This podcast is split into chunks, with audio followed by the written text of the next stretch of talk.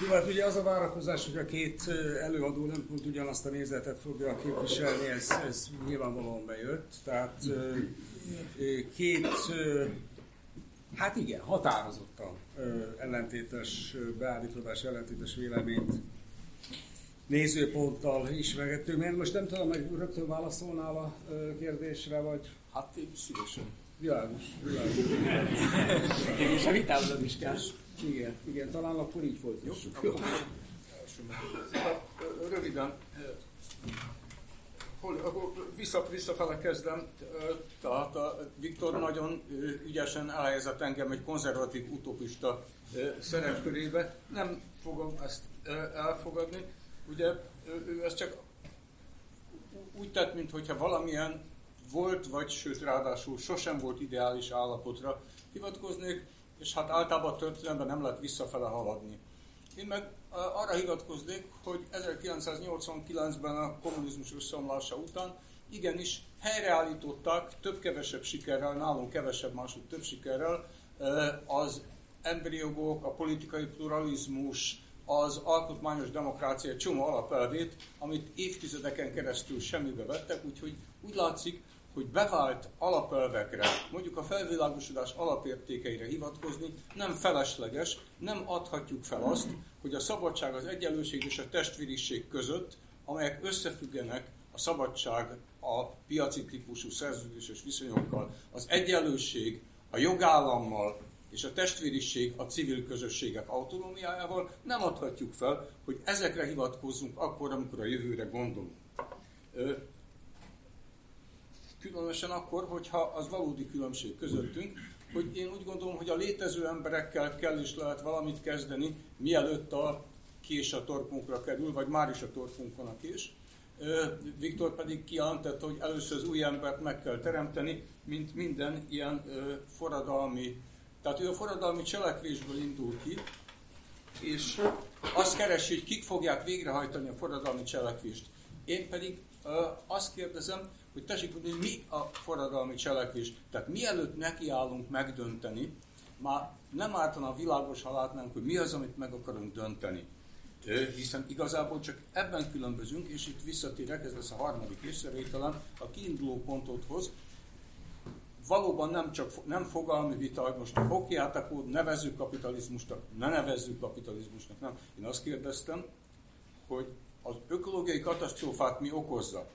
És azt állítottam, hogy azoknak a nevezük itt termelőerőknek az az, az az életmód, az a társadalmi berendezkedés, azok a technológiák, amelyekkel élünk, ezeknek a, a, az öntörvényi fejlődése vezetett egy helyzethez. Ezért mondtam, hogy én radikálisabbat mondok, mint a szokásos baloldal. Te pedig ezt azt mondod, hogy a kapitalizmus, vagy a posztmodern kapitalizmus. Egy érvem volna még, ezt soha, ebbe soha nem fogunk egyetérteni, mert ez egy kicsit terminológiai vita, az már nem, hogy akkor tessék mondani, ahol nincs kapitalizmus, ott miért van ökocidium. Ugye, mert az egész világon van, ott is, ahol nincs, vagy nem volt, vagy nem igazán van kapitalizmus. Vagy pedig a kapitalizmus egy gumifogalom, és akkor bánom is én használjátok, akinek ez a kedves.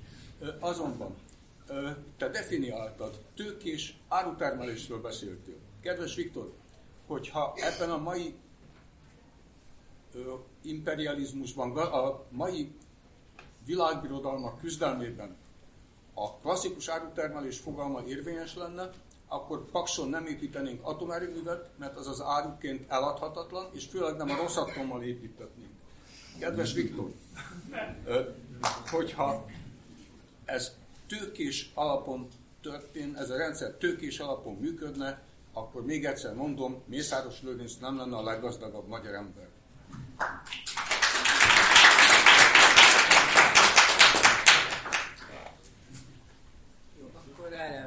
három dologra szeretnék ebből válaszolni. kezdjük a végén, tehát, hogy Mészáros Lőrincnek a kapitalizmushoz való viszonya. Ugye tudjuk azt, hogy ez egy fontos terület.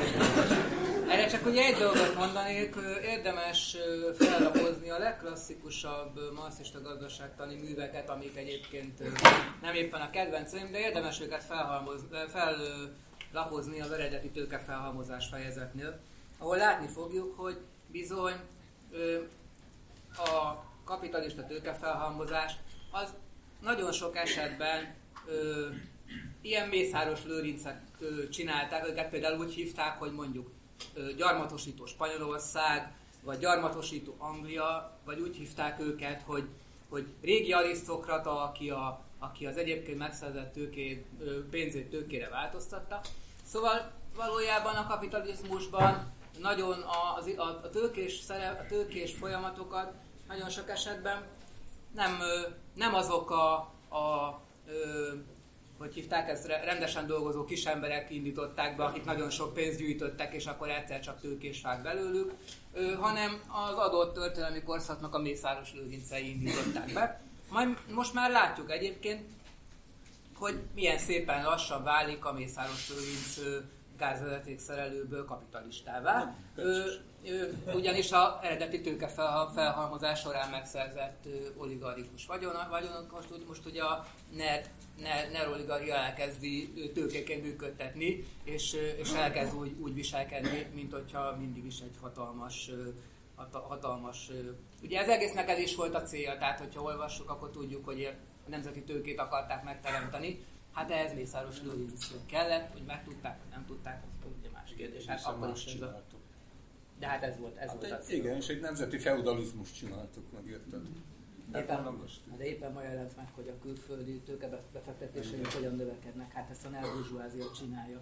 Hát kiviszik a, ezt a megszületőt, kiviszik a világpiacra.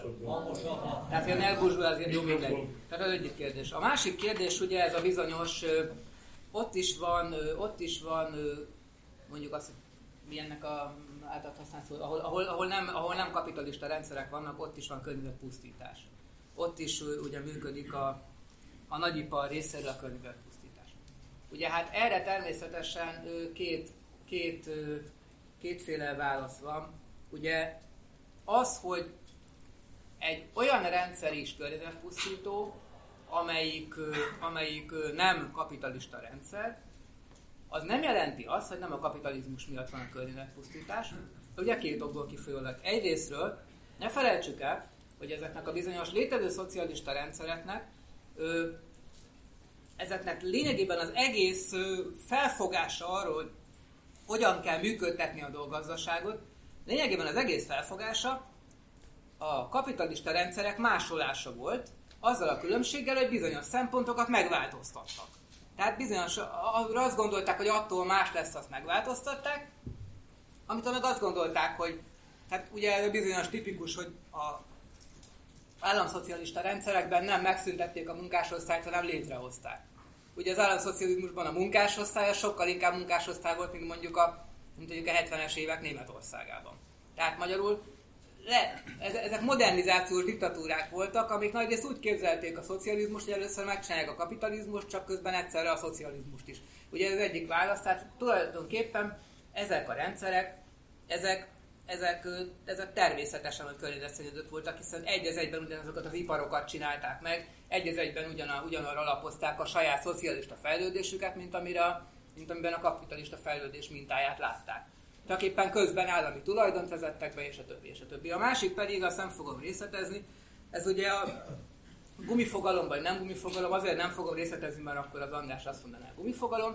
Ez ugye, a, ez ugye, az, állam, ez ugye az államkapitalizmus tézis, aminek azért elég jelentős szakirodalma van a, a baloldali elméletekben.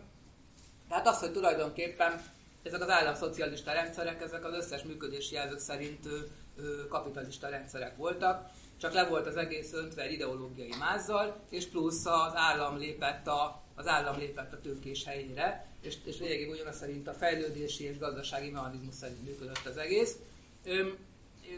Ez ugye nem az én válaszom, de egy válasz, és ennek nagyon kidolgozott irodalma van.